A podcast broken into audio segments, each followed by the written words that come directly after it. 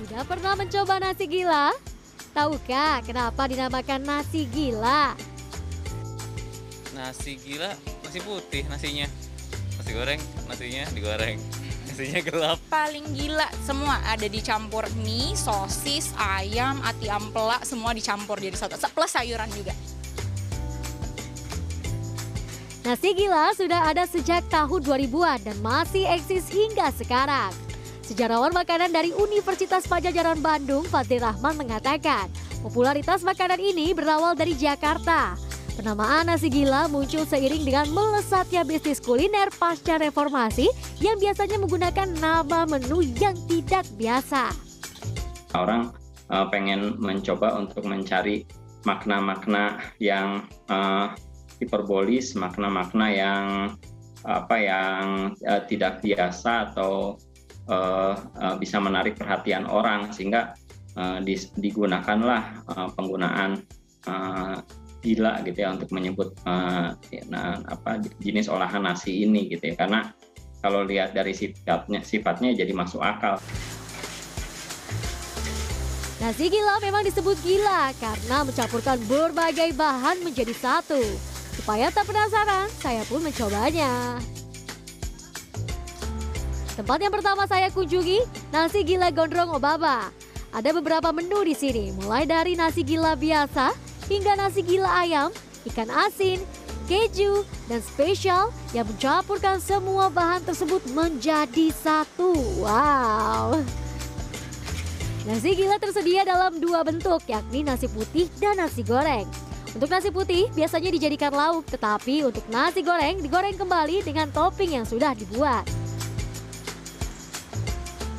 Eh, disebut nasi gila itu memang karena nasi goreng pada umumnya beda. Kita jadi kalau nasi gila pakai topping sosis, bakso, telur, ayam, petai, keju.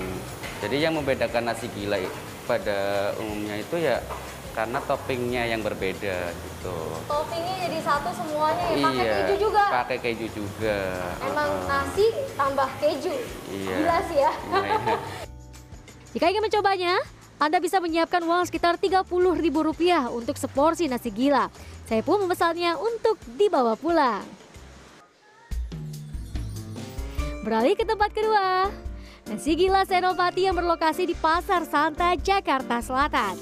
Tidak ada petai atau keju, tapi ada taburan lain yang bisa dicoba, seperti telur crispy dan kulit ayam crispy. Sang pemilik Hani Gunawan mengatakan, walau nasi gila merupakan makanan kaki lima, bahan dasar yang digunakan berkualitas baik dari sosis, bakso hingga nasinya.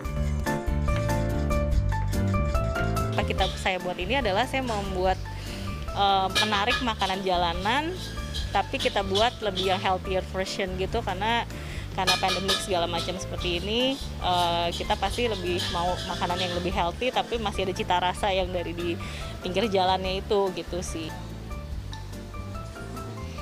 Harga per porsinya pun tak berbeda, sekitar Rp30.000. Terima kasih. Ya, seperti biasa, karena pandemi sedang meningkat, disarankan makannya dibungkus dan bawa pulang. Nah, saatnya makan. Kita coba nasi gila gondrong Obama terlebih dahulu. Saya memesan menu nasi gila spesial. Wah, lama ya piring saya. Rasanya pun hmm, unik campur aduk di mulut. Nah, selanjutnya nasi gila Senopati. Tidak terlalu ekstrim, namun tetap ada keunikan tersendiri.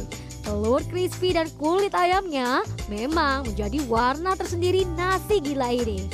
Yang menjadi favorit saya, nih, nasi gila dengan varian nasi putih. Bagaimana dengan Anda? Tim CNN Indonesia, Jakarta.